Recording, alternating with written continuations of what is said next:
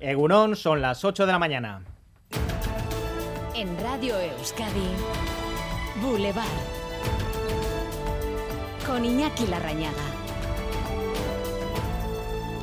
A seis días de las elecciones generales, esta mañana damos a conocer los resultados de un EITB Focus que dibuja un escenario totalmente abierto en Euskadi. María Suárez. Con triple empate a 5, PNV, EH Bildu, PSE, un PP que se recupera con dos escaños y un sumar que no cuaja y se queda con solo uno. Esta es la foto fija de la pugna estrecha, donde todavía bailan varios escaños. Enseguida les decimos dónde. En Navarra, por su parte, ITV Focus proyecta un titular destacado, el batacazo histórico de UPN. Que perdería su representación en el Congreso de los Diputados, PSN Primera Fuerza y PP se llevarían dos escaños y EH Bildu uno.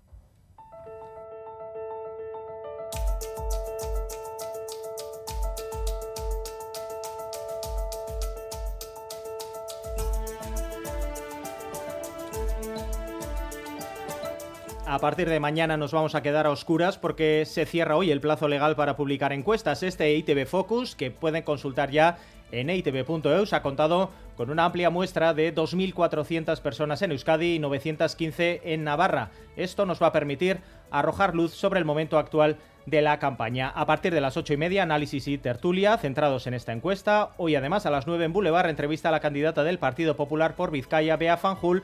Y esta noche en ETV2, Radio Euskadi y Radio Vitoria, debate electoral. Y en esta semana clave se cuela el conflicto de la Ertzaintza. Hoy, llamados por los sindicatos, están bloqueando la autopista A8 en Bilbao. Ederne Frontela. Sí, se registran hasta ahora importantes afecciones en la A8. Se está viendo, como decimos, seriamente afectada por la protesta organizada por Erchañas en Lucha, una situación de la que nos están dando cuenta ustedes, nuestros oyentes, a través del teléfono de WhatsApp de Radio Euskadi, el 688-840-840.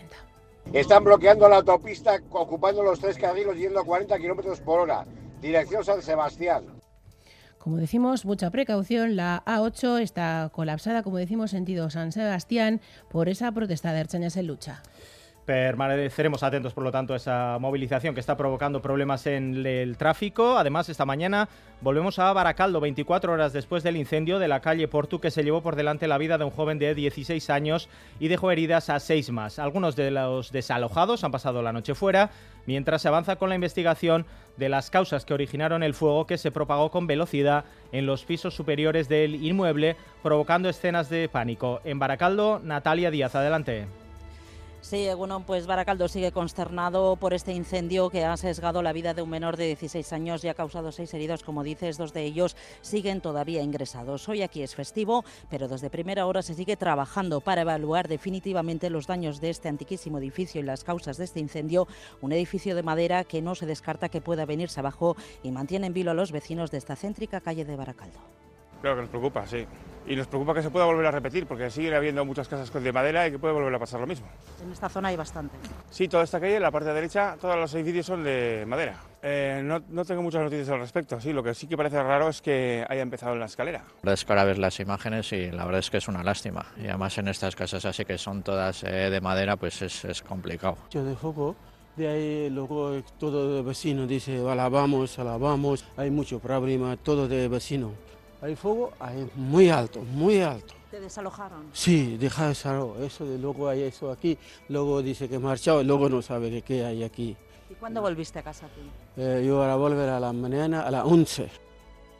Bueno, lo escuchamos, los vecinos de los dos números colindantes han podido pasar las noches en sus casas.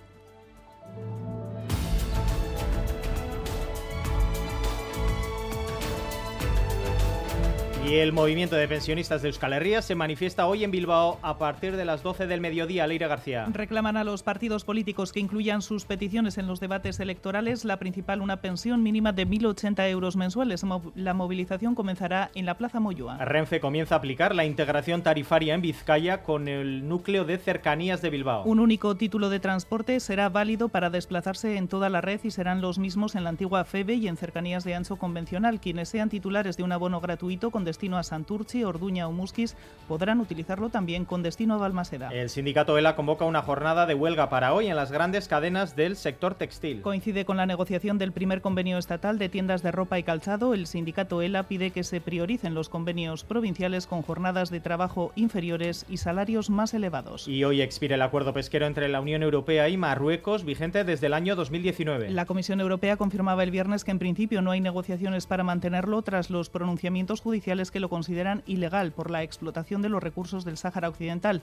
En los próximos meses se espera que el Tribunal de Justicia de la Unión Europea emita un fallo definitivo. Vamos a continuación con un adelanto de la información deportiva. Álvaro Fernández Cadierno, Egunon. Egunon, lunes con descanso en el Tour, que se llega con Jonas Vingegaard de amarillo, Pogachar a 10 segundos, ayer triunfo para Boat Poles en, en, remo, bandera de oro y victoria para Urdaibai en chicos y para las locales en la Liga Femenina. En fútbol, el Chivas de Guadalajara se hacía con el trofeo Árbol de Guernica al ganar al Athletic a los penaltis. Antes le había vencido 2 a 0 en cesta punta, Barandica y Vázquez se han hecho con el Grand Slam de Marquina y en tenis victoria de Alcaraz en Wimbledon derrotando en cinco mangas a Djokovic. Boulevard. El tiempo. Euskalmet Jaione Munarri, Egunon. Caixo comenzamos la jornada con nubes bajas, eh, sobre todo en la vertiente cantábrica, donde podría incluso chispear algo a primeras horas eh, de la mañana. Sin embargo, esta nubosidad eh, tenderá a romperse poco a poco para el mediodía y ya por la tarde con el viento del nordeste irá limpiando y se irá imponiendo el ambiente soleado. En la mitad sur del territorio levantará antes y ya desde la mañana pues, va a lucir el sol.